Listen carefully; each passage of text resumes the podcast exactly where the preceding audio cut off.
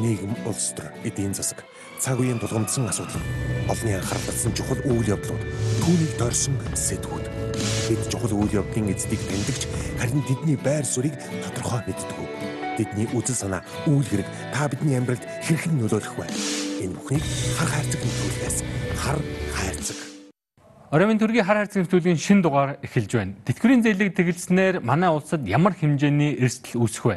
Монгол улсын гадаад өр цаашид улам нэмэгдэх үү? Баялагийг хэрхэн тэгш хүртээмжтэй хуваарлах вэ? Дээрх сэдвийн хүрээнд Монгол улсын их сургуулийн эдийн засгийн тэнхимийн эрхлэгч доктор профессор Эрдэнэ Уттай ярилцсана. Хар хайрцаг. За танд орой минь төргий. Орой минь төргий. Бидний урилгыг хүлээн авч цаг зав гарган хүрэлцээрс явдлыг баярлалаа. За өрсөнд их баярлалаа. За сүүлийн үед нэг төвхтэй хэрэг мандат байгааг та мэдж байгаа. Энэ тэтгэврийн зээлийг тэглэх тухай асуудал хуулийн батлагчлаа За энийг дагаад олон зүйл яригдж байна. За мэдээж сонгуулийн урьдчилсан одоо сонгуул сонгуулийн бэлтгэл явуулж гэж үзэж байгаа. За өмнөх одоо намын мөрийн хөтөлбөрийн амлалт тэргээ биелүүлж гэж үзэж байгаа. Нийгмийн халамж гэдэг нэрээр мөнгө тарааж гэж үзэж байгаа. Сонгуулийн санал худалдаж авч гэж үзэж байгаа. Ингээд маш олон янзаар яригдж байгаа. Улс төрчсөн үйл явц байгаад байгаа. За энэ улс төрчсөн үйл явц дотор а мэдээж эдийн засгийн нэг үйл ажиллагаа нь одоо зээл тэглэх гэдэг нэг юм ороод ирчихэж байгаа. Тэгэд би асуултаа юу одоо юунаас хэлмээр байна вэ гэхээр энэ зээл тэглэнэ гэдэг ойлголт та өөр эдийн засгч хүний хувьд тийм ээ. Эдийн засгийн ойлголт муу юм уу биш юм уу? Улс төрийн ойлголт юм. Одоо мэдээж political economy гэдэг улс төрийн эдийн засаг гэдэг ярил дундаж байж болох байх л да. Тэгэхээр энэ зээл тэглэнэ гэдэг ойлголтыг та нэг яриад өгөөч. Энэ одоо ийм ойлголт байж болдгийм үү, байдгийм үү? Зөв нь бол хүмүүс яг энэ юу гэсэн үг вэ гэдгийг бол ойлгож байгаа баг. Арилжааны банкнаас тэтгэврийн зээл авсан хүмүүсийн хувьд болохоор тэр үлдэгдлийг нь болохоор 0 болгоно. Тэгэхээр тэр арилжааны банкнтай эргээд мөнгө төлөх албагүй басан одоо тэр нэгэн төдөө үлдэгдэл байхгүй юм чинь. Тэн дээр хүү одоо төлбөр төлөх бол шаардлагагүй болно л гэсэн үг шүү дээ тий. Тэгээ ерөнхийдөө бол зээг тэглэх гэдэг асуудал байд юм уу гэвэл мэдээж байлгүй яах вэ? За одоо бид нэр одоо олон улсын хэмжээнд жишээл ярих юм бол олон улсын өрийг уучлах гэдэг бол хөтөлбөр бол нэлээд олон улсыг хамарсан нэлээд том юм бол болсон гэдэг бид нэг 20 жилийн өмнө бол санаж байгаа бах тий. Африкийн улсын маш олон улсуудын тгийг бол өрийг бол энэ өндөр хөгжилтэй улсууд колоничлогч улсууд нь бол тэгэлж ийсэн. За өнөөдөр бол бас яригдж байгаа зүйл нь болохоор Америкт жишээлбэл маш их хүчтэй яригдж байгаа бол энэ оюутны зээлийг тэглэх гэсэн асуудал байж байна тийм. Тэгэхээр энэ болохоор Америкийн нэгдсэн улсын сургалтын төлбөр нь маш өндөр.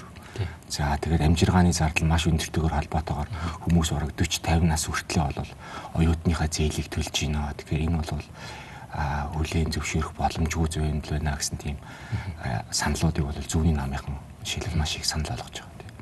А тэгэхээр зүгээр Монгол улсын хувьд бол энэ мэдээж болоо шин зүйл байна. Тэгэхээр энэ хүмүүсүүд санхүүгийн харилцаанд сайн дурын үндсэн дээр орцсон тохиолдолд за хөндлөнгөөс 3 дахь читгэрт орж ирээд за энэ хүмүүсүүдээс өөрсдөөс нь зөвшөөрөл асуухаар бүх хүмүүсүүдийг нь бол тэглээд аа тэгээд зээл тэглээ гэдэг нь болохоор зээл авах боломжтой бос хүмүүст нь мэдэгдээгүй тэгэлсэн хүмүүсүүд нь болохоор маш ондоо ондоо хэмжээний зээлтэй энэ болохоор нийгэм дотор одоо ийм тодорхой бус байдал, шударгуус байдлыг бол дэврэгсэн хүмүүсүүдийг талцуулсан явдал болчиход байна л да. Яг сая батлагдсан энэ зээл тэтгэврийн зээлийг тэглэх хуулийг баталчихсан байж байгаа. Та эдийн засгч хүний хувьд зөв гэж үзэж байна уу, буруу гэж үзэж байна? Энэ бол маш буруу зүйл шүү дээ. Тэгэхээр яагаад вэ гэхээр Монгол улс бол төрт улстай. За төрт улс маань бол төрийн бодлого бол ард түмнээс сонгосон төлөөлөгчдөрөө дамжуулж бол хилцэж баталдаг. За эдийн засгийн хоёр том баримтчиг байгаа. Жилд нэг удаа баталдаг зүйл маань. Тэр нь болохоор Монгол улсын төсөв гэдэг зүйл байгаа. Энэ бол хуульчилж батлагддаг зүйл.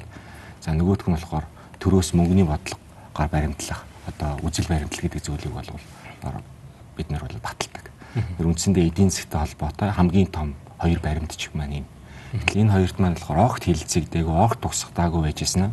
Гинтгээр шокийн байдалтай одоо эдэн хүмүүс одоо зүгээр сууд сууж байгаа л за ингэгээл тэгээ шууд хүчээр одоо ийм тулгаж байгаа юм шиг надад бол санагдаж байгаа учраас энэ бол эдийн засгийн одоо үндэслэл. За бидний нөгөө олон ургалч арчлын зарчим за хилцүүлэх одоо буруу зөвийг нь тунгаах тэр боломжоо алдсан учраас миний хувьд бол буруу л гэж үзэж байгаа. Төрүн эхний асуултанд та энэ зээл тэглэх зарчим юм уу? Ерөнхийдөө ийм одоо үйл ажиллагаа олон улсын чигт байдгаа гэж хэлчихсэн. А ямар тохиолдолд зээл тэглэх нь зөв юм уу байж болох юм бэ? Ямар тохиолдолд болохгүй юм бэ гэдэг асуудал яригдах гэдэг шүү дээ. А өөрөөр хэлэх юм бол зээл тэгэлдэг уламжлал эдийн засагт байдгийн бол энэ эдийн засгийн ойлголт юм бол өөрөө а Монгол улс магадгүй саяны зээлийг тэглэх байсан бол зөвөр тэглэх боломж гэж бас байх уу? Байлгүй яах вэ? Тий. Тэгэхээр энийг таны саяны хариулснаар бол урьдчилаад судлаад эдийн засгийн тооцоо судалгааг нь хийгээд хилэлцүүлээ тэглэх хэрэгтэй байж дээ. Тэгнэ гэсэн үг. Тэгээд одоо эдийн засагт маань ямар нөлөө гарахыг за тэгээ энэ маань болохоор санхүүгийн секторт маань ямар нөлөө үзүүлэхийг бидний одоо Монгол улсын төрд улсынхаа хувьд болохоор гадаад улсуудад бид нар төрүүлж байгаа сэтгэл яаж өөрчлөгдөхийг гэдгийг бид нар бүгдийг нь бол бодолцож байгаад бол шийдэх хэрэгтэй байсан. За өөрөө чинь тэр дурдсан миний яриагаа эхлэхэд ярьж ирсэн тэр туршлагууд бол үндсэндээ бол шудраг ёсны зарчим дээр толгуурлж яригдж байгаа зүйл. Тэгэхээр колоничлогч улсууд бол угаасаа колони улсуудаас маш хэмжээний боол за байгалийн мэйлийг нь авцсан учраас энэ бол шудраг ёстой холбоотой. Тэгэхээр тэр бол өрөө төлөө тэдгэр усууд ядуурлаасаа гарч чадах ямар ч боломжгүй байгаа учраас за нэг удаа боломж олгоод зээл хэлье гэсэн. За дараа нь болохоор тэр Америкийн оюутнуудын зээл гэх юм бол үндсэндээ энэ маань болохоор дараа дараагийн бодготойгоо бол хамт явна. Тэгэхээр яагаад энэ нэг удаагийн одоо үр тэглэх гэдэг бол ерөөсөө байж болохгүй. Энэ маань угаасаа дахиж ингэж үр хөөрөмтлөгдөхгүйгээр бид нэр Америкчууд бол шил яаж дээд боловсролын тогтолцоогоо өөрчлөх үү одоо mass open тий одоо их сургуулиудынхаа онлайнаар болгодог болохгүй яаж хямдхан болохгүй гэдэг асуудлуудтай бол хамт явж байгаа. За Монгол улсыг болохоор зүгээр угаасаа энэ маань болохоор санхүү гэж одоо гажуудуулж хэрэгжүүлж юм л та. Тэгэхээр хүмүүсүүд уул нь бол ийм хэмжээний мөнгө хоримтлуулах ёсгүй. Хүмүүсүүд бол орлогоороо тэтгэврээр хангалттай амьдрах нөхцөл бүрэлдсэн байх ёстой. Одоо манайхаас бол асар хэмжээний байгалийн баялаг дэлхий дээр одоо урд үзэгдээгүй юм асар их баялагтай. Цөөхөн ус мөртлөө манай ингээд хүмүүс маань үнэхээр амьдрал нь болохгүй байгаа учраас ингэсэн. Ганц удаа энэ зээлийг тэглээд одоо энэ асуудал маань огт шийдэхгүй. Хэрвээ ганц удаа тэглээд магадгүй ард нь шат дараатаагаар тогтолцоонд нь одоо юу гэдгийг үрдүн, эрэг үрдүн бий болох тийм судалгаа тооцоо байсан бол чинь болох байсан ба дээ. Тэгнэ гэсэн үг. Ерөнхийдөө бол эдийн засгийн ийм арга хэмжээг хэрвээ бид нэр дахиж яахгүй гэх юм бол гаргуулахгүй гэх юм бол за бид нар яг бол эдийн засгийн маань өсөлтөд ямар нөлөө өгөх юм. За тэгэхээр бид нар бол эдийн засаг ийм арга хэмжээ авсны дараа эдийн засаг маань болохоор эндээс дэмжигдээд өсчдөг байх юм бол асуудал байхгүй. Харамсалтай нь бол өөр асуудлуудыг огт ярихгүйгээр ганц нэг удаа ингэж яах нь болохоор эдийн засгийн зааваа зүгээр одоо ямар ч хүний бодлоор үзээр үзсэн үзсэн бол тийм утгууч юу юм болчиход байна л да нэг зүйлийг тодруулмаар байна. Тэр бол юу гэхээр энэ одоо тэтгэврийн зээлийг тэглэх мөнгөний их сурвалжийг салхитын мөнгөний ордноос гаргаж авна гэдэг ингээд яриад байгаа. За энэ нь хэр найдвартай юм бэ? А зөв бидний ойлголтоор бол алаагүй байгаа арсыг хуваана гэдэг шиг юм болоод байгаа юм шиг байгаа байхгүй. Өөрөөр хэлэх юм бол тэр мөнгө нь бэлэн орж ирсэн байгаа юм уу? Одоо ваучер тараа энэ төр гэж ярьж штэ тийм ээ. Тэгэхээр тэр чинь орж ирээгүй мөнгө бол таа Тэгэхээр бид бол одоо зүрлээд хэлэх юм бол алаагүй багуун арцыг тарах гэдэг шүү дээ. Зөв. Миний ойлгож байгаа. Аа. Өөрөө чи ярьж байгаа бол зөв л дөө. Тэгэхээр тэр орд маань үнэхээр тийм одоо 760 тэрбум орчим төгрөгөөр одоо богино хугацаанд босгоод ирэх тийм хэмжээний бол орд огтхон биш. За энийг бол би зүгээр л одоо хүмүүс мэдээж бол энэ их усүр энэ энэ их зардал чи хаанаас агуулж хийж байгаа гэж асуув. Тэрийг нь болохоор ам таглах зориултаар л нэг юм ашиглаж ийн л гэж бодож байна. А тэрнээс биш одоо юу гэдгийг яг наривчлан салхитын мөнгөний ордноос ийм ийм шатараатаагаар магадгүй бонд гаргадаг юм уу үнэт цаас гэж юм ваучер гэж юм ингэж ингэж гаргаад ингэж босгоод ийм хугацаанд ингэж одоо юу гэдгийг ашигтай ажиллаад төлчин гэдэг тийм наривчлан судалгаа бол байхгүй байна гэж бид ойлгоод байгаа шүү дээ. За миний мэдхээр бол байхгүй байна. Тэгэхээр тийм нууц судалгаа байдаг гэж магадгүй юм те. Гэхдээ ер нь та нар зүгээр энгийнээр бодоод үзэх юм бол энэ маань жоохон хэцүү зүйл те. Тэгэхээр ч юм бол үндсэндээ жоохон хэмжээний алттай үндсэндээ мөнгөний орд байгаа. За мөнгөний үн бол дэлхийн зах зээл дээр бол тийм ч их а өндөр биш байна. За ерөнхийдөө ирээдүйн хөлөмч бол тийм сайн биш. Тэгэхээр тэр ордыг одоо жишээлбэл гадны хөрөнгө оруулагч санал болгох юм бол маш бага үнээр хөдөлж авна. За тэндэн дээр нь тулгуурлаад бонд гаргана гэж яриад байгаа. Тэгэхээр 6% хүүтэй бонд гэж зарим хүмүүс ярьж ирсэн. 6% хүүтэй бондыг бол мэдээж хүн худалдаж авахгүй нь бол тодорхой. Тэгэхээр бид нэр болохоор одоо өөр нэг арга нь бол захиргааталтай аргаар төрийн төрийн хэмжээ аж ахуй нэгж үү за эсвэл төрийн банкнтай болоод шахаж болно. Тэгэхээр энэ маань болохоор эдийн засгийн манлаар гажуудлыг улам бүр гааруулна, үр ашгийг нь бууруулна. Бид нар улам бүр л нөгөө босод өөр төлбөрөө төлөх боломжгүй нь хомигдно л гэсэн үг салхитын мөнгөний ордноос одоо яригдж байгаа энэ 700 гаруй сая 700 гаруй тэрбум төгрөг орж ирэх боломжгүй гэж та баг хэлчих шиг боллоо тийм үү? Боломжгүй боломж багтай юм уу? Орж ирэхгүй байх гэж хэлээд байх шиг баг. Энэ одоо би хараг боломжгүй гэж бодож байна тий. Ордоос. За ингэхээр эндээс юу харагдж байгаа вэ гэхээр энд улс төрийн хүчин зүйл нөлөөлж байна л гэж харах гээд байгаа юм л да. Өөрөөр хэлэх юм бол хэрвээ эдийн засгийн талаас нь ингээ аваад үзэхэд тооцоо судалгаа нөхцөл байдал олон талын ярихад бол энэ чинь хүлээж авах боломжгүй зүйл юм байна. Тэгэхээр ард нь энэ одоо юу гэдгийг бонд энэ тэтгэврийн зээлийг тэглэх улс төрийн ашиг сонирхол байна гэсэн үг шүү дээ тийм. Би бас нэг зүйлийг энэ улс төрийн тухай ярихаас өмнө асууж тодруулмаар байна. Тэр бол юу вэ гэхээр энэ банкнд ямар ашигтай юм бэ? А бид бол юу гэж ойлгодог гэхээр банк гэдэг бол тэр тэтгэврийн зээлийг олгоод тэр тэтгэврийн зээл авсан хүн тодорхой графикийн дагуу тэр хүүгээ төлөөж явж ивэл хүн тэр банкнд ороод банкнд ашигтай баймаар юм шиг. А гэтэл тэрийг нь сүлпал гээд шууд авчираад ингээд хийчихээр тэр хүү төлөлт нь зогсчихно одоо тэндээс. А тэгэхээр энэ банкнд ашигтай үйл ажиллагаа юм уу ашиггүй үйл ажиллагаа юм. Би одоо тэр банкнд ашигтай ашиггүйг бол хэлж мэдэхгүй байна. А ерөнхийдөө бол таамаг төдийл байна. Гэхдээ эн чинь бол гурван талт үйл ажиллагаа болж байгаа гэдгийг бид нэр анзаарах хэрэгтэй. Тэр арилжааны банк бол нэг тал нь байна. Харилцагч зээл авж байгаа тэтгэврийн зээлтэй хүн маань байж байна. Гурав дахь тал гэдэг нь болохоор төр гэсэн юм байна тийм. Тэгэхээр төрийг одоо заавал арилжааны банкнд ашигтай байхаар үйл ажиллагаа явуулах гэдэг одоо сэрдлэг байх юм бол би тэрийг бол бас сайн үндслийг нь олж мэдэхгүй болохгүй арахгүй байна л да. Тэгэхээр одоо жишээлбэл бидний нийт банкны секторын актив аваад үзэх юм бол үндсэндээ бид нэр банкны сектор маань татан төв бусдаас татан төвлөрөөс хөрөнгийнхөө болвол үндсэндээ 48.4% талаас бага хувийн л зээл болгож гаргаж чадж байгаа шүү дээ. 22.2 нь болохоор сул бэлэн мөнгө хэлбэрээр хэвдэж байна. За тэгээд энэ маань болохоор үлдэж байгаа хэсэг нь болохоор за 13 орчим болохоор төв банкны үнцээс байгаа 8 орчим засгийн газрын үнцээс байгаа. За нэг 10 орчим хувь нь болохоор бусад хөрөнгүүд байгаа бах тийм үйл хөдлөх хөрөнгө гэдэг нь тооцоолоод. Тэгэхээр энэ дээр бол мэдээж тогтмол орлого олж байгаа хамгийн эрсдэл багтай. За дээрээс нь болохоор нийгмийн даатгалын сангийг тэр хаан банк төрийн банкн дээр байршуулж ягаад 10% зээл олгож байгаа тийм.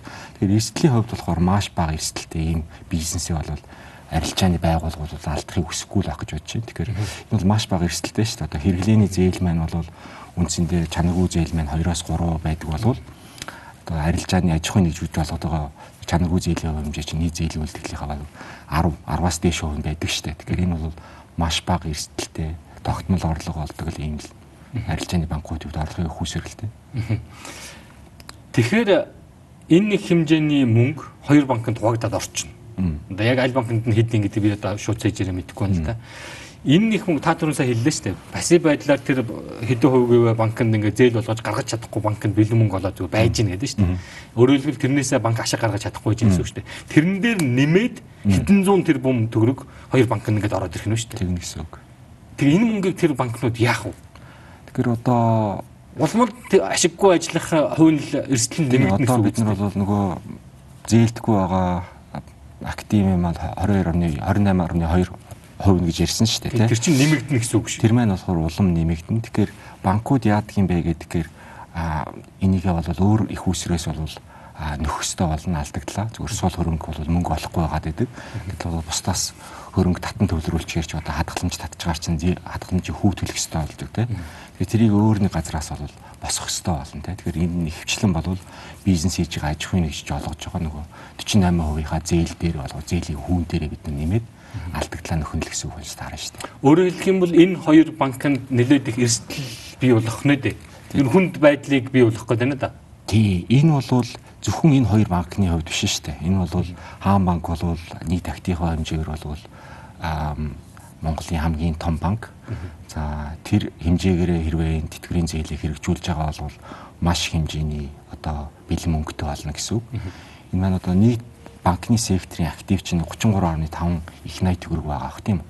Гэтэл бол бид нар бол нэг их 80 төгрөг ойролцоогоо нэг их 80 төгрөгийн тухай ярьж штэ. Тэгэхээр энэ бол маш хэмжээний мөнгө.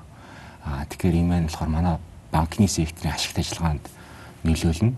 За ашигт ажиллагаанд нөлөөлнө гэдэг бол доктортой байдалд нөлөөлнө.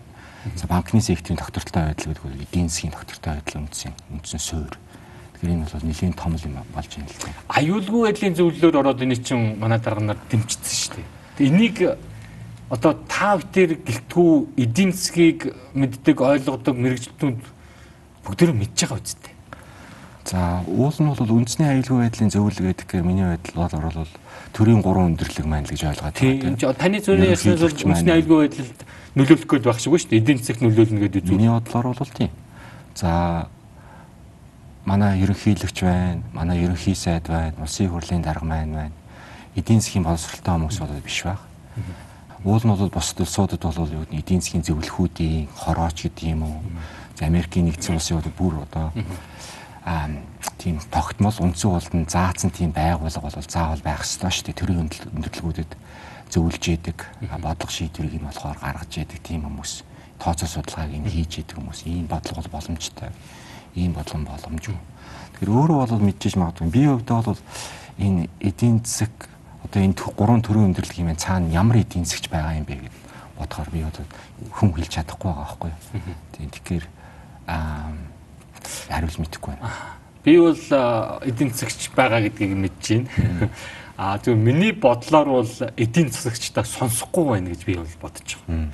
Өөрөөр хэлэх юм бол эдийн засагчдаа сонсохгүй байна гэдэг бол улс төрийн ашиг сонирхол маш хүчтэй байгаа юм байна л гэж хартахаас өөр аргагүй болчихж байгаа.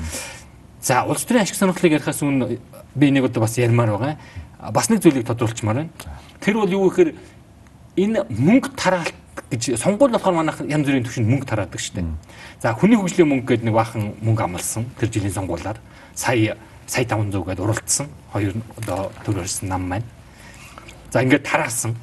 Ер нь бол бэлэн мөнгийг гिचнээн одоо их зүйл бүтээж болох мөнгийг л тараачж чинь гэж ойлгож байна шүү дээ. Тэгэхээр энэ мөнгө тараалтын сонгуулийн өмнөх мөнгө тараалтын нэг мэдээж бэлэн мөнгө тарааж байгаа хэрэг биш. А гэхдээ одоо тэр ваучер байдлаар юм уу ямар нэгэн байдлаар тэр өрийн тэглэх байдлаар мөнгө тарааж байгаагийн нэг хувилбар гэж ойлгож болох уу? Улс төрийн.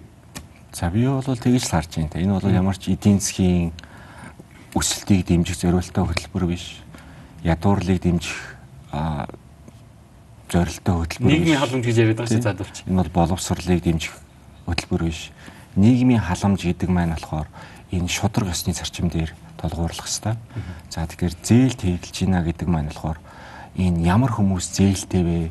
Зээлгүй тэтгэвэр авдаг хүмүүсүүд нь хэн бэ гэдгээ бид нэр ойлгох хэрэгтэй л да. Тэгэхээр банкнаас зээл авж байгаа гэдэг бол хүмүүс гэдэг бол миний хувьдлаар бол харьцангуй чинэлэг, харьцангуй мэдээлэлтэй, харьцангуй тогтмол орон суух, оршин суух байртай тийм хүмүүс байгаа гэж бодож байна тийм.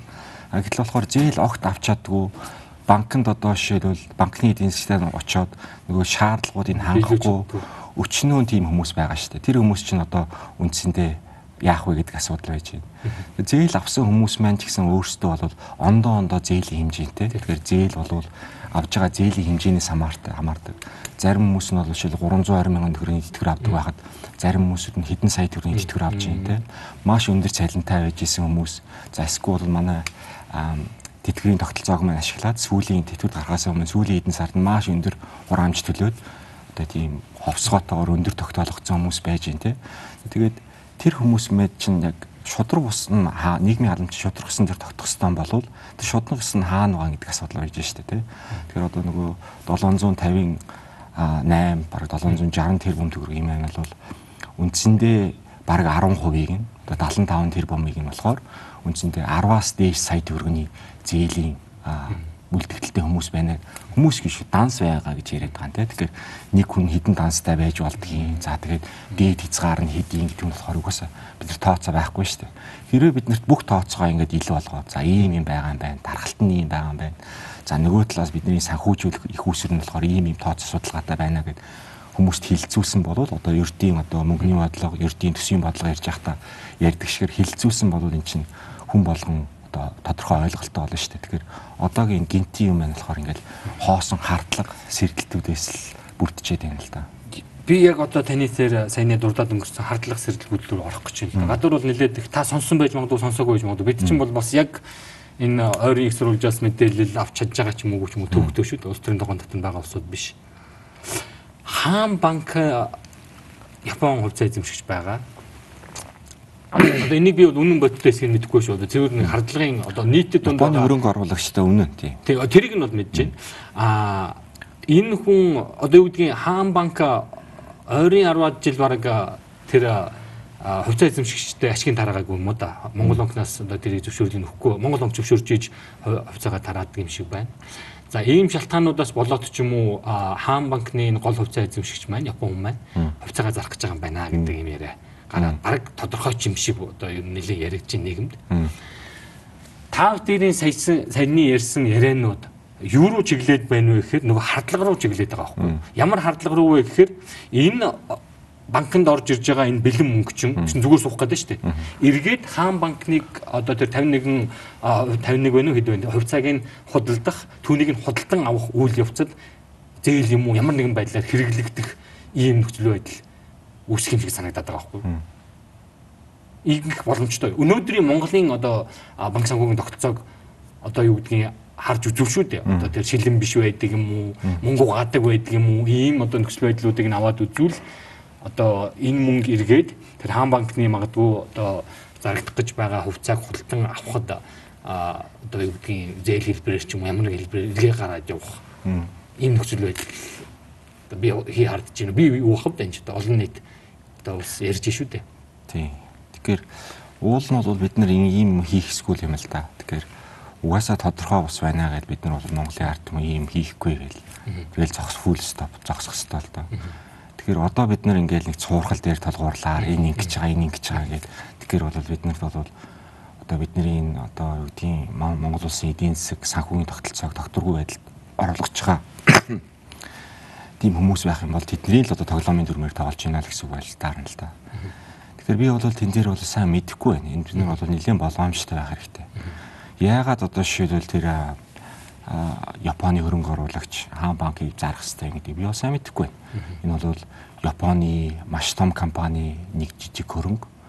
За миний ойлгосноор бол тэр олон бизнесийн салбаруудаас нь хамгийн өндөр ашигтай байдаг бизнесийн нэг. За анх хувьчилж авснаас хойш бол маш богинохон хугацаанд бол худалдаж авсан мөнгөө бол босгож авсан. А одоо хөрөнгө оруулагч хийж болох хамгийн том ашигтай хамгийн мундаг хөрөнгө оруулалтуудын нэг л гэж боддог.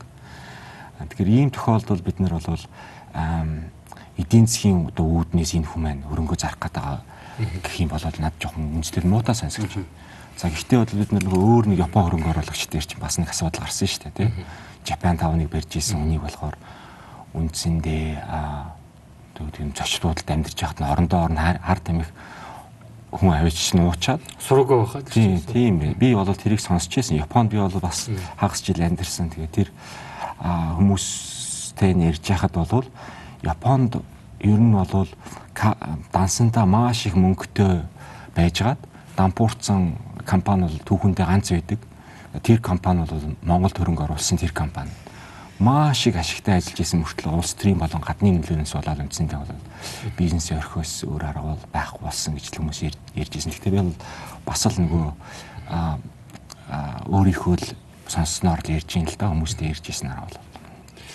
Яг хуу урд нь нөгөө Эрдэнтийн 49 дээр Оросоос авсан тэр чинь нэг чимээгүй байж байгаа сонгуулийн дараа гинт юм гараал дараа нь хүмүүс байцаагдал улсаас хэдэн зуун сая доллар гараад зурггүй болчлоо гэж тэрүүгээр энэ эрдэнтийн жижигсэн хувийг автсан юм уу гэл ийм маргаан гардаг л да. Тэгэхээр Монголд гарч байсан үйл явдлуудыг бодоо тооцоолоод үзвэл яа харахгүй олон нийт ингэж хардах үндсэлтэй л болчиход байгааг л ярьж байгаа юм л да. Ер нь. Тийм. Ер нь бол энэ ийм үзэгдэл бол улсуудад байна. Тэгэхээр энийг болохоор байгалийн баялаг хараал гэж нэрлэдэг. За тэгэхээр альва улсын эдийн засаг уул уурхай олборлох салбарт тулгуурлахын хэрээр нийгэм, улс төр, эдийн засгийн секторууд нь болохоор ийм гаждаг.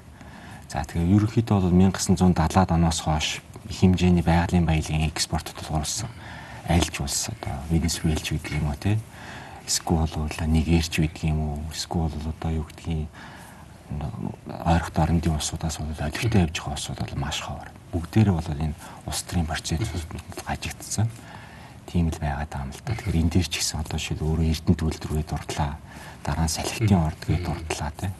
Тэгээ салхитээ чинь очиод улсын ингээл аваад сүр дүүлэн болоод зарим улсууд баярлж ирсэн. Одоо бодоход салхитыг тэгэж очиж авч ирсэн үйл явдал энэ тэтгэврийн зээлийг тэглэхдээ шууд холбоотой өрчлөсөн үйл явдал жимшгэл санагдаад байгаа. За нэвтрүүлгийн маань эхний хэсгийн түрээ дүндэрлэж байна.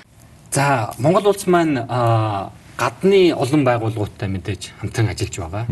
За олон улсын валютын сантай бид нэр хамтран ажиллаад Монголд өөртгсөн зээл олгоцсон, тусламж олгоцсон байж байгаа. А олон улсын валютын сан ч гэсэн саяны одоо тэтгэврийн тэтгэврийн зээлийг тэглэх үйл явдал дээр бол сөрөг байр дэмжихгүй гэдэг байр суурийг бол илэрхийлчихсэн аль биесээр. Олон улсын валютын сан болоод Монгол улсын засгийн газар хоёрын хооронд ямар харилцаа үүсэх гээд байна вэ? А зарим нэг одоо мэрэгчлүүд нь хэлж байгаагаар бол олон улсын валютын сан энэ зээлээ зогсооч магадгүй энэ гэж ярьж байна л да. Тэгэхээр ер нь энэ олон улсын валютын сангаас манай авч байгаа одоо тусламж тусламжинд ямар нөлөө үзүүлэх вэ гэдгийг асуумаар байна. Тэгэхээр энэ бол олон улсын гэрээ хэлцээлийг бол маш бүдүүлгээр зорчсон л алхам болж таарж байгаа юм л да. Тэгэхээр энэ тусламжийг бол олон улсын валютын сан бусад донор улсуудаас бол Монголоос гуйж өөрсдөө өгөөгүй штэ. Тэр монголчууд өөрсдөө гуйжчоод за тэгээд өөрсдөө гэрээ байгуулж байгуулсан гэрээгээ а ийм бүдүүдгээр зөрчих нь бол мэдээж тэр улсуудын хувьд бол байгууллагуудын хувьд бол хүн цохилтол болж байгаа хэл та. Тийм. Тэгтээ бол яг нөгөө урдаас төвлөрт төлөвлөсөн байсан учраас нөгөө амлсан мөнгүүд нь бол орж ирж лээ л да. Тэгэхээр 12 сард бол Азийн хөгжлийн банкны 100 саяын тусламж бол нэмж орж ирсэн байна тий. Дэлхийн банкнаас бол он гараад бас 100 сая төгрөг долларын нөгөө тусламж манилгаас орж ирсэн л байна тий. Тэгэхээр энэ бол цаашид яах вэ гэдэг нь болохоор одоохондоо бол шийдвэр нь гараагүй ах шиг байна. Тэгэхээр одоо бол тэр байгууллагууд одоо шил олон улсын валютын сан 2020 оны 5 сард бол бидний өргөдгсөн санхүүжилтийн хөтөлбөр бол дууссан шүү дээ. Тэгээ ерөнхийдөө бол бос улсуудаа 18 сарын хугацаатай ийм хөтөлбөр хэрэгжүүлдэг тусламжийн хөтөлбөр өөрсдийн хүсэлтийн үндсэн дээр тийм. Бол Монгол дээр бол нэлээд одоо өгөөмөр зан гаргаад 3 жилийн турш бид нар хөтөлбөрийнхэн доор явж ирж байна тийм. Тэгэхээр эднэр бол ямар хариу үзүүлэхийг бол би сайн мэдэхгүй. Мэдээж бол би энэ дээр бол аа би зүгээр одоо өөрөө тэдний нэг байсан бол надад маш ийгүү санагдана. Бас нэг ноцтой асуудал байгаа. Тэр бол юу вэ гэхээр Монгол улс маань хоёр ч төрлийн саарл жагсаалтанд байгаа гэж яригддаг. Европын холбооны ФАТФ-ын. За саарл жагсаалтанд Монгол улсын орсон зүйл ингээд тодорхой байгаа. Манай нэвтрүүлгийн өмнөх зочид ч гэсэн энэ талаар нэлээд ярьсан. Нөгөө мөнгө угаалт гэдэг зүйл чинь байж байгаа. За яг терроризм энэ төр санхүүжүүлсэн гэдэг нь арай Монгол байхгүй ч байж болох юм. Байдаг гэж ярьдаг хүмүүс бий. Байдаг ч гэж ярьж байгаа хүмүүс бий. За ямар ч байсан энэ тэтгэврийн зээлийг тэглэх үйл явдал чинь банкар дамжуулсан банкны үйл ажиллагааны одоо шилэн бус байдал. За нарийн цаашлаад ярих юм бол мөнгө угаалт байж болзошгүй үйл явдлыг харуулад ах шиг байна л да. Тэгээд бид сошиал нэвтрүүлгийнхаа өмнөх зочдоо маань ярьж исэн энэ 20 оны а 2 дугаар үйлрэл гэхэд бид нар бол энэ саарл жагсаалтнаас гарнаа энэ төр гэдэг ингээд ярьсан зочин байгаа. Тэгээ энэ тэтгэврийн зээлийг тэглэх үйл явдалсан саарл жагсаалтнаас гарах биш харин ч нөгөө хар бараан жагсаалт руу орох үйл явцыг юм уу эрсдлийг нэмэгдүүлчих юм шиг л санагдаад байгаа.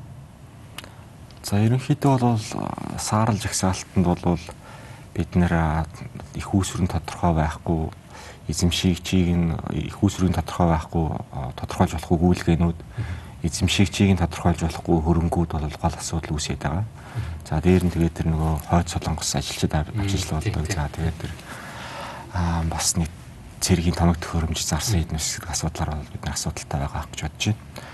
Тэгэхээр энэ бол мэдээж яг шууд уялдаатай холбоотой ихт бол мэдээж бол би одоо хэлж мэдэхгүй байна. За гэхдээ бол ямар ч байсан бид нар энэ саарл жагсаалтуудаас гарахад бол огтон туслахгүй зүйлс. Тий. Энэ бол мөн л адилхан хаанаас ямар их үүсвэр. За за тэгээд юуг санхүүжүүлэх гээд байгаа нь бол мэдэхгүй. Нөгөө данснууд гэдэг данснуудын ард ямар хүмүүс яагаад тэр хүмүүсүүдийг санхүүжүүлэх гээд байгаа нь тодорхой үйл зүйлс болоод их байна. Тэрүүний ялангуяа тэр маш их хэмжээний зээл авсан хүмүүс гэдэг. Тэгэхээр энэ бол бид нар хаардах хэрэгтэй байхгүй юу. Тэгэхээр эдэн жилийн өмнө өөртөө санаж байгаа бол тэтгэврийн даатгалын сангаас болохоор нас орсон хүмүүсүүдийн баримтчүүдийг ашиглаад бол тэтгэр аваад байсан тохиолдол илэрсэн шүү дээ. Тэгэхээр энэ дээр ч гэсэн нөгөө яг данснуудын эзэн хин юм бэ гэдгийг бид нар одоо банк харилцагч хоёрын хооронд хийцэн хэлцээрийг чинь бид нар мэдэхгүй шүү дээ. Тэгэхээр энэ дээр бол бид нар хардах бол нэлээд тийм үнслэл байгаа л да. Өөрөөр хэлэх юм бол хар хар жагсаалтанд орох эсвэл саарл жагсаалтанд илүү удаан байх гэдэг чинь эргээл Монголын эдийн засаг санхүүгийн зах зээлийг л эрсдэлд оруулж ирэх гэсэн үг шүү дээ. Тийм. Үндсэн тэр асуудал чинь болвол бид нар янз бүрийн олон улсын гэрээ хэлцээрт болохоор аа бүх нөхцлүүдийг хүлээн зөвшөөрчөөд тийм шүү. Тэ одоо бид нар бол терроризмыг санхүүжүүлэхгүй. Тийм юусоо байхгүй. За дараа нь болохоор бид нар болохоор олон улсын санхүүгийн сүлжээг ашиглахдаа бид нар олон улсын дүрм журмыг мөрднөө. За хин мөнгө шилжүүлж байгааг нь тэр мөнгө нь болохоор хаанаас олж ирсэн тэр орлогоо олох тэр үндэслэл байсан юм үүдийг тогтоож шимжилжүүлнэ гэж дүрм журамд нэгдэж орчоод тэрийг болчихтол бид нар бол энэ асуудалтай ороод байгаа шүү дээ. Тэгэхээр одоо энэ зохиолдол болохоор олон улсын бас валютын сантаа хийсэн гэрэн дээрээ дахиад бид нар бол юм мөрдгөл юм асуудал бол орчод байна. Дараагийн нэг томоохон асуудал бол Монгол улсын гадаад өр. Бид бас нэвтрүүлгийнхаа өмнөх дугааруудаар Монгол улсын гадаад өрийн дарамтын тухай ярьсан. Аа салхитын мөнгөний ордноос бонд тусгана гэж байгаа бол эн чим өр өрийн бичгэл гэж бас нэг одоо зээл гэж одоо сайхнаар бол хэлж байгаа. Төлж чадахгүй болоод ирвэл өр гэж ойлгох байх. А тэгэхээр Монгол улсын гадаад өрийг нэмэх гэж байна гэж ойлгож болох болно шүү дээ тийм үү? Тэр энийг зээл гэж бас харж болохгүй л дээ. Ягаад гэх юм бол манайх угаасаа одоо төл төлөх ёстой төлбөр бол төлж чадахгүй байгаа төлж чадахгүй байгаа учраас угаасаа бид нэр олон улсын байгууллагуудаас тусламж өссөн шүү дээ. Бид нар бол угаасаа энэ нөгөө Чингис бондынхоо за бусад бондуудынхаа төлбөрийг төлж чадахгүй нэ. Тийм учраас бидний туслаач яа гэсэн тийм. Бид нар одоо тийм их чадахтай болчиход байгаа юм биш шүү дээ. Тэгэхээр бид нар бол 29 тэрбум Америк долларын өр маань бол хിവэрэл байж байна. 2020-оос 24 онд төлөх ёстой 13.3 тэрбум маань бол хിവэрэл байж байна. За харин улам бүр бид нар нөгөө эдийн засгтаа ингэж хөндлөнгөөс захиргааны аргаар одоо орж ирээд механизмыг гажуудуулах юм бол эдийн засаг маань улам бүр өсгөө болно гэсэн үг. Тэгэхээр одоо шийдээ бидний энэ жилийн дотоодын нийт дэвтгүүр маань 27.1 тэр их 80 төгрөг болох байх тийм. Тэр маань болохоор Америк доллараар шилжүүлэх юм бол дахиад буцаал нэг 10 тэрбум Америк доллар мэл болчлоо шүү дээ. Тэгэхээр бид нөгөө зээл авч исэн үед маань одоо 2013 14 онд л баг 10 тэрбум Америк доллар байсан. За өнөөдөр 6 7 жилийн дараа дахиад 10 тэрбум долларт. Тэгэхээр бид нар бол хизээ зээлийг авдаг вэ гэдгээр хэрвээ эдийн засгч нь бол тэр зээлийнхаа хүнээс сурдтайгаар өсдөг бол энэ бол тогтмол хэмжээтэй зээлэмч нь эдийн засгч нь харьцангуй чинийлэг баян болчих хэмжээнд төлөхөд амар гэдэг үндслээр авдаг. За нөгөө талаас болохоор тэр орлогын их үүсрүүд чинь болохоор энэ зээлийнхаа хүнээс бол өндөр байх хэрэгтэй л доо. Тэгэхээр энэ бол яхалгүй шууд өрийг нэмж байгаа юм байна шүү дээ. Зээлч гэж хэлэхгүй шууд өр гэж хэлэхэд болох. Гэхдээ бол бид нар бас жоохон юу энэ юу одоо 20 29.9 их 80 Америк долларын өртөө. За энэ юу маань болохоор үндсэндээ 240 сая ам доллар юм бол мөнгө төгрөг гээд үүлээ хошиж бас болохгүй юм л та. Тэгэхээр маш том өөрчлөлтийг бол жижигхэн зүйл бол гохойг нь дарчих тохиолдол бол зөндөө байдаг. Одоо энгийн ухаанаар бодоод үзвэл маш их өртөө Тэгээ өрөөн хэрхэн төлөх нь тодорхойгүй чадахгүй байгаа. Чадахгүй гэдэг нь баг одоо Монголын эдийн засгийн үзүүлэлтээр бол тодорхой байхад яг их мөнгө бишөөж болно өртөө харьцуулахад зүгээр мөнгө тараачих нь бол ойлгомжгүй явдал үсттэй. Би бол хөвдө ойлгохгүй. Зүгээр одоо та бид байтугай зүгээр одоо манай Монгол улсын бүх иргэн л одоо өрхийнхөө орлого зарлагыг одоо нийлүүлээд явж байгаа хүн болгоно энийг ойлгоно үсттэй. Энд чинь маш өндөр хүүтэй. За тэгээд бусдын тусламжаар байж байгаа мөртлөө хэрэг санхүүгийн боломж байсан бол тэр өрөөл эхэлж дармаар юм энэ бол нэг учиргүй нэг том эдийн засгийн онол монол шаардлагатай юм огт байхгүй шүү дээ. Зүгээр жирийн одоо гэрээ эзэгтэй эсвэл өрхөө өрхөө авч явдаг гэрээ эзэн болоо шийдчихэл юм аа. Ойлгомжтой асуудал. Ойлгомжтой. Нарийнх юм бол энэ хуулийг тэтгэврийн зээлийг тэглэх хуулийн төслийг гар өргөн баталсан ихэнх их хурлын гишүүд баталсан. Тэрийн гурлын гурван өндөрлөг маань дэмжсэн. Яг үнэ хэлэхэд би бол ойлгоогүй. Над шиг ойлгоогүй маш олон хүмүүс байгаа бах. Юу гэсэн үг юм бэ? Эний чинь энэ мөнгөөр өөр маш их юм хийж болно үсттэй. Монголын эдийн засгийг илүү хурдтай болгох, Монголын эдийн засагт өсөлт авчрах. Магадгүй нийгмийн халамжийг илүү тогтвортой, бодлоготой байлгах алхмуудыг тавьж болох байсан билгүй дээ.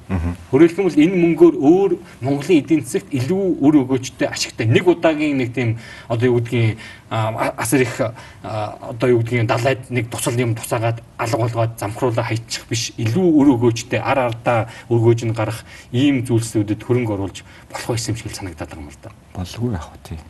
Тэгэхээр одоо гадаадын хэвлэл мэдээллүүдээр бид нар бас Монголынхад юу болж байгааг бол бас сонсдог юм байна. Тэгэхээр тэн дээр бол яригдж байгаа зүйл бол Монголын арчлал бол компромайз буюу одоо үндсэндээ бол Монголын арчлал бол ийм барьцааны хүн болчлоо. Тэгээд үндсэндээ бол эдийн хүмүүсүүдийн утсан үхэлтэй болчиход байна гэдэг асуудал бол маш урцаар тавигдж байгаа л да.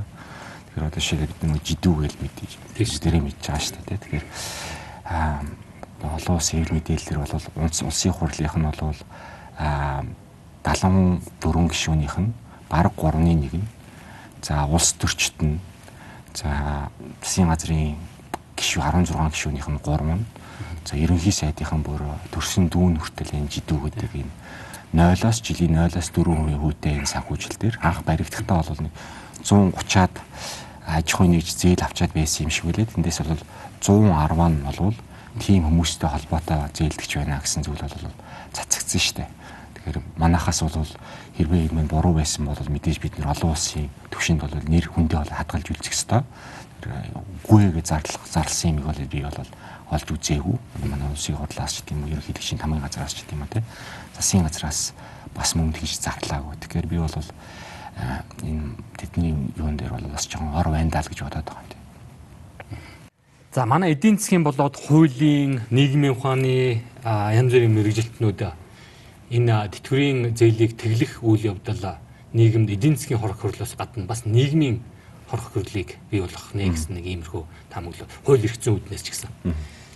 За энэ дээр яригдж байгаа хамгийн гол зүйл бол юу вэ гэхээр тэгш бус байдлыг одоо тэгш бус хуваарлалтыг юм уу тэгш бус түгээлтийг хийж байна гэсэн.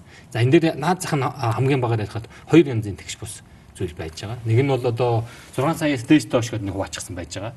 За мөн тэтгэврийн зээлгүй ахмадууд яах вэ? Нэвтрүүлгийн эхний хэсэг та бас хэлж ирсэн. А яг одоо нийгмийн халамжийг хүртэх хэрэгтэй шаардлагатай байгаа хүмүүс онж очиж чадж гин үгүй гэдэг.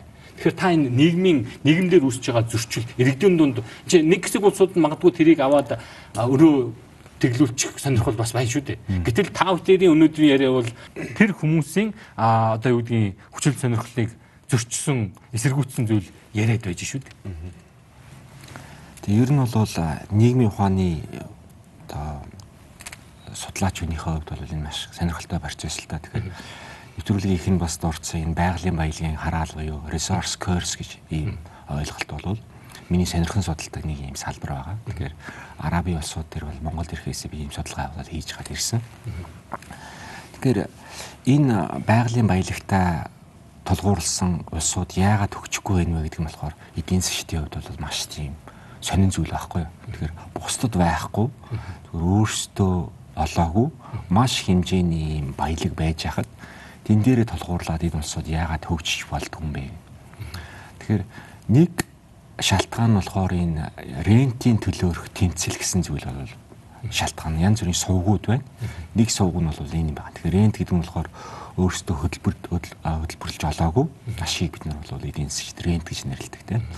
Тэгэхээр гол асуудал бол тэр рентийг хэн авах вэ гэдэг. Хэн одоо энэ байгалийн нөөцийг эзэмших вэ гэдэг асуудал байгаа юм л да. Тэгэхээр бусад улсуудын туршлагаас харахад бол гол ялагчт нь бол ийм нийгмээ бол хуваадаг. Тэгэхээр одоо шил Африкийн нэг байх юм бол Хуту Түци гэдэг хоёр одоо жижиг үндэстэн байлаа гэж бодоход байгалийн баялаа тий. Руандад үү? Руанда. Тэгэхээр тэд нар бол зөвхөн нийгмийнхаа нэг бүлгийг бол аа бол маш хэмжээг бол дэмждэг. Зүгээр нийт нийгэмнээ биш. Зөвхөн нэг секторыг наваад. За тэгэхээр энэ процесс бол манад бол жишээлбэл харьцангуй гайгүй л дээ. Тэгэхээр бид нар бол нэг одоо дотоод тийм зөрчил бол харьцангуй гайгүй тэр талаараа давуу талтай улс байна. Гэхдээ бол бид нар ийм зүйлийг бол нэлийн одоо сүүлийн үед хардаг болж байна л да. Тэгэхээр хувийн секторийнхан за эсвэл төрийн секторын ингээд аваачдаг. За эсвэл бол одоо юу гэдгийг жидүүгийн 8% гэж авдаг. Жидүүгийн 3% гэж авдаг хэсэг. За бусд нь болохоор авдаггүй хэсэг. За эсвэл орон сууцны 8%-ийн зээл авдаг хэсэг. Авдаггүй хэсэг. За дараа нь болохоор тэтгэврийн зээлээ тэглүүлдэг хэсэг, тэглүүлдэггүй хэсэг. Бид нар бол үндсэндээ нийгмийн маань хуваах маш олон төрлийн орлогууд явж байна л та. Тэгэхээр энэ бол альва үндэсний доктортой байдал, нийгэм эдийн засгийн үр ашигтай байдалд бол маш их сөрөг нөлөөтэй. Тэгэхээр нэг төр гэдэг бол нийт эдийн засгт хандсан, нийт ард түмэндээ зориулсан бодлого явагддаг бол явуулдаг болохоос биш. За үндсэндээ хувааж талцуулж хооронд нь одоо сөргөлдүүлэхийг хүсээгүй юм бол нэг секторыг эсвэл бол нэг нийгмийн бүлгийг онилсон тийм бодлого явуулах нь маш бага. Онилсны бодлого мэдээж явуулж болно тэр нь бол шудраг гэсний зарчимд. Одоо жишээлбэл үнэхээр одоо амьдрал нь болохгүй байгаа. Ядуу хүмүүсүүдийг ядуурлаас гаргахт нь одоо ийм одоо хүүхдүүдэд нь одоо жишээлбэл айгуу сургуульд явуулъя хүүхдүүдэд бид нар ноутбук худалдаж авч өгье гэднээс гэсэн асуудлын тухайд яригдахгүй шүү дээ. Тэгэхээр тийм асуудлууд бол байж болно. Унилсан. Харин одоо ийм хинч бодоход одоо сайн ойлгохдохгүй ийм байдлаар хуваах гэх юм бол маш эсрэг дагавартай л да. Монголын байгалийн баялагаас бүр нарийн ярих юм бол ашигт малтмал уул уурхаагаас олж байгаа орлого Монголын ард түмэнд тэгш хуваарлагдаж чадаж байгаа юу? За энэ бол чадахгүй байгаа шүү дээ. Тэрийг бол бид нар бүгдээрээ л харж байгаа тийм. Тэгэхээр одоо шил оюутлогоо гэл компани байж гин. Дэлхий дээр бол энэ орд маань болохоор дэлхий дээр ихний 5-д ордог ийм орд. За Монгол улсын эдийн засаг маань болохоор Европын нэг жижигхэн хотын хэмжээтэй бол таньцх эдийн засагтай. Хятадын бараг нэг жижигхэн одоо дунд дотор дунд дундч тооцогдохгүй жижигхэн хотод бол байж байгаа тийм. Тэгэхээр хитгэн хоногийн өмнө одоо жишээлбэл нэг хятадын нэг мууж нь болохоор өдрийн 2 доллароос 15 сая хүнтэй мууж байсан. Өдрийн 2 доллароос доош орлоготой хүн амын тоон болохоор 4 хүн гэж тооцоо гаргаж байгаа байхгүй. Тэгэхээр бол бид нар бол үндсэндээ л нөгөө өдрийн 2.19 доллароос доош орлоготой хүн амын тоон маань 28.3%. За энэ маань ч хэдэн 10 үргэлжсэн хэвээрэл байна штэ. Тэгэхээр энэ маань болохоор бидний нөгөө хөгжлийн маань энэ зарчим юун дээр тодгуурлаж хөгжих гээд байгаа юм бэ? Одоо бид нөгөө технологийн өсөлт байхгүй одоо технологийн дэвшил байдгүй нэг салбар дээр ингээд хит толгуурлахаар бидний нөгөө бүгдээрээ л бусдаас хараад хоол гуйсан за нөгөө одоо шийдвэр гаргачт нэг өсөхгүй одоо нэг ая хоол тараагаал тэр тэрнийхээ төлөө бол сайн болчтой л тийм систем рүү орж ийн л доо. Баялагын тэгш хуваарлалт гэж яг юу хэлэх юм? Ер нь тэгш хуваарлах боломжтой юм? Яаж хуваарлах ёстой юм? За ер нь Монгол хуурь чадахгүй байгаа учраас одоо бизнес үлдэгчин төлж чадж гэнэ үү мэд чадахгүй. Яа яаж ёстой вэ? Тэгэхээр бол баялагын хуваарлалт гэдэг маань болохоор үндсэндээ бол маш хэцүү зүйл. Тэгэхээр одоо энэ аж үйлдвэрийн салбар дээр эдийн засаг толгуурладаг байсан тохиолдолд баялаг болвол орлого нэг хүн дээр төвлөрөх угаасаа боломж байхгүй. За эдийн засаг хөдөө аж ахуй дээр толгуурладаг байсан болвол энэ баялаг орлого бол нэг хүн дээр төвлөрөх боломж угаасаа байхгүй. Уул уурхайн эдийн засгаар бол ийм боломж байдаг. Тэгэхээр энэ бол үндсэндээ нийт ард түмний амжижиг газраас бол маш хол алслагдсан газар бид нар бол нэг цэг төвлөрсөн баялаг гэж яриа. Point based resource тийм. Тэгэхээр ийм баялагийг бол яг хэдийн хэмжээний баялаг болоод байгаа юм.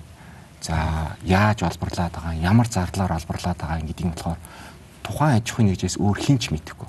За хэрвээ би одоо жишээлбэл мал малдаг байсан бол тийм үү. За миний мал бол жид хідээр өснө. За би тэдгээ хідээр зарна гэдэг бол хүн болго мэдэх байхгүй. Тэгэхээр бидний хувьд болохоор энэ мэдээлэл нь үндсэндээ бол нэг талд ийм asymmetric тэгшимтэй бос тохиолдолд энийг ижлэхэн хэмжээгээр хуваарлах боломж бол үндсэндээ бол байхгүй.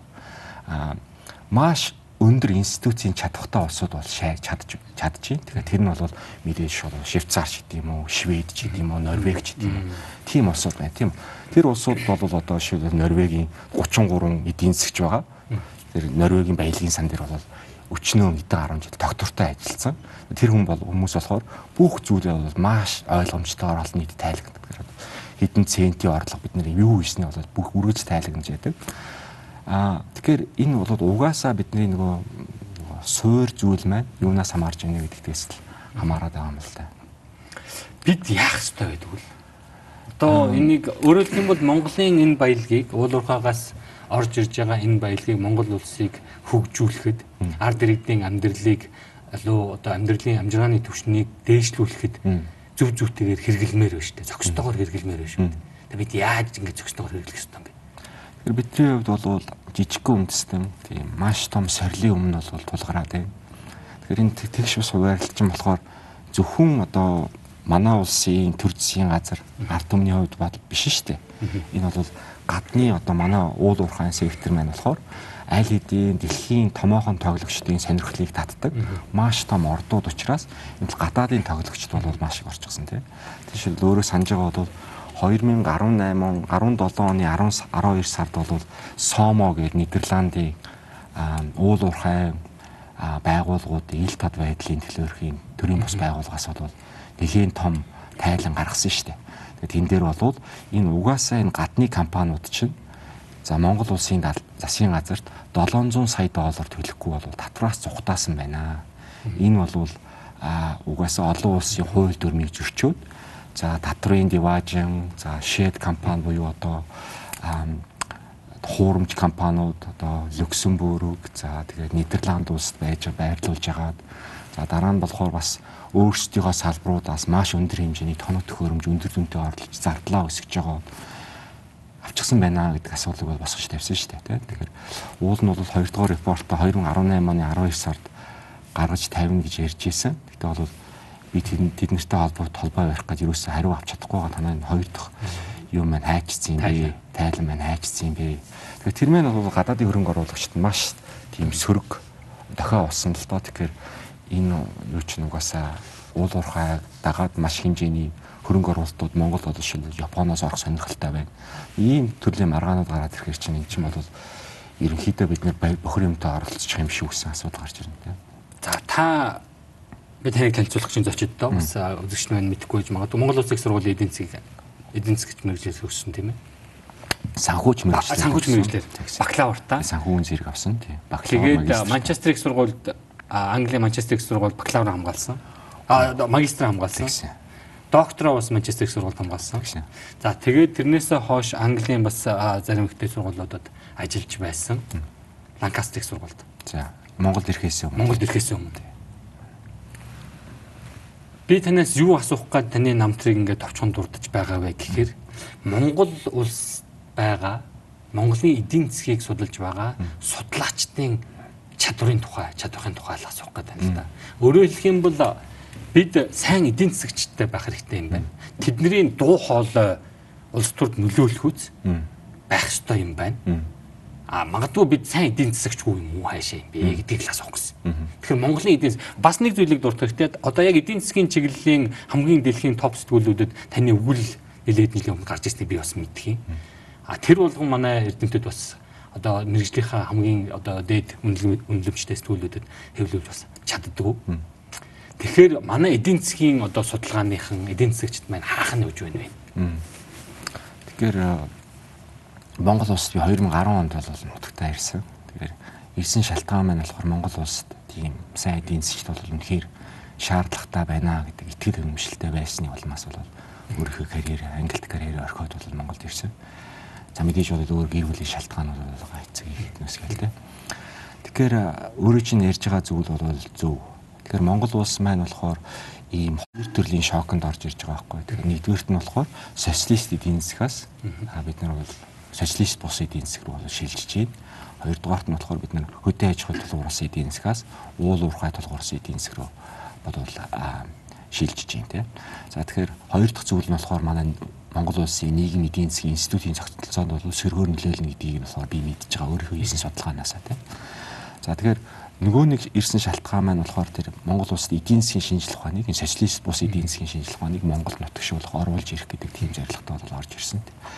Тэр үед болохоор бид нар бүгдээрээ мэдж байгаа 1990 оны ихэнд бол социализм задран унсан. За тэгэхээр бидний социалист эдийн засгийн тогтолцоо бол буруу байна гэдгийг бол бид бид бүхэн болон социалист блокийн бүх улсууд бол мэдэрсэн. За тэгэхээр социалист төвлөрсөн төлөвүүд эдийн засгаас бүгдээрээ татгалцсан. Тэгэхээр энэний дараа юу болох ёстой юм бэ гэдгээр бид нар дүү социалист бус эдийн засаг, зах зээлийн харилцаанд тулгуурласан эдийн засгийг Монголд нэвтрүүлэх ёстой гэсэн логик мэдээж бол дүгнэлт гарна тийм. Тэгэхээр 1996 онд бол эдийн засгийн сургуулийг, Мөсийн эдийн засгийн сургуулийг за Монгол улсад энэ орчин үеийн эдийн засгийн шинжилгээ мааныг оруулж ирэх. За бодлого боловсруулах, бодлогын үнэлгээ судалгаа хийх чадвартай боловсон хүчнийг бэлдэх зорилгоор бол 1996 онд Европын албаны тасгийн хөтөлбөр за мөн донор байгууллагуудын тусламжтайгаар бол байгуулж ирсэн 1996 онд тийм. Тэгэхээр харамсалтай нь юу болсон бэ гэдгээр одоо энэ процесс нь бол адилхан процесс тийм нэг институцийн чадхыг бууруулах гэдэг процесс маань бол явж байгаа. Энэ дээр болохоор алтан үед ерхий сайдын үед болохоор эдийн засгийн сургуулийг бол татан болгосон. За тэгэхээр бид нарт яг л өөрсдийн гэсэн эдийн засгийн тооцоо судалгаа хийх шаардлагагүй юм шиг тийм бид нар тийм эдийн засгч боловсон хүчтэн хэрэггүй юм шиг үндсэндээ бол эдийн засгийн сургуулийг татан болгож байгаа байхгүй. Бизнесийн сургууль гэж байгаа. Тэгээ одоо бол бизнесийн сургууль гэж байгаа. Тэгвэл бол үндсэндээ одоо олон улсын төвшин одоо боловсрол эзэмсэн олон улсын байгууллагууд ажиллаж исэн туршлагатай хүмүүсүүд нь бол үндсэндээ эдийн засгийн салбарт л байгаа юм л та. Тэгэхээр хэрвээ бизнесийн салбар эдийн засгийтэйгээ хамт байсан бол одоо бусад улсуудын практик тийм биднээс одоо суралцах, хамтарч ажиллах тэр үүд бололцоо нь бол нэгдэлтэй. Тэгэхээр за их баярлаа. Бидний урилгыг хүлээн авч хүрэлцэн ирсэн явдал их баярлаа. Маш олон Монгол улсын одоо амин чухал гэж хэлж болох асуудлуудад мэрэгжлийн одоо мөн судалгаан дээр суурилсан чухал хариултууд өгсөн манай үзэгчдэд өөрөө гөөчтэй байсан гэдэг эргэлзэхгүй байна. Таны ажилд амжилт хүсье. Нэвтрүүлэг маань энд түрээд өндөрлөж байна. За их баярлалаа. Урьсан баярлалаа.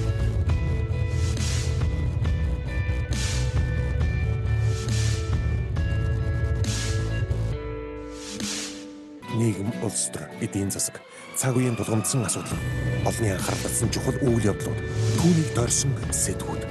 Бид чухал үйл явдлын эздийг тэмдэгч харин тэдний байр суурийг тодорхой мэддэг. Тэдний үзэл санаа, үйл хэрэг та бидний амьдралд хэрхэн нөлөөлөх вэ? Энэ бүхнийг хар хайрцаг нөлөөлөхөөс хар хайрцаг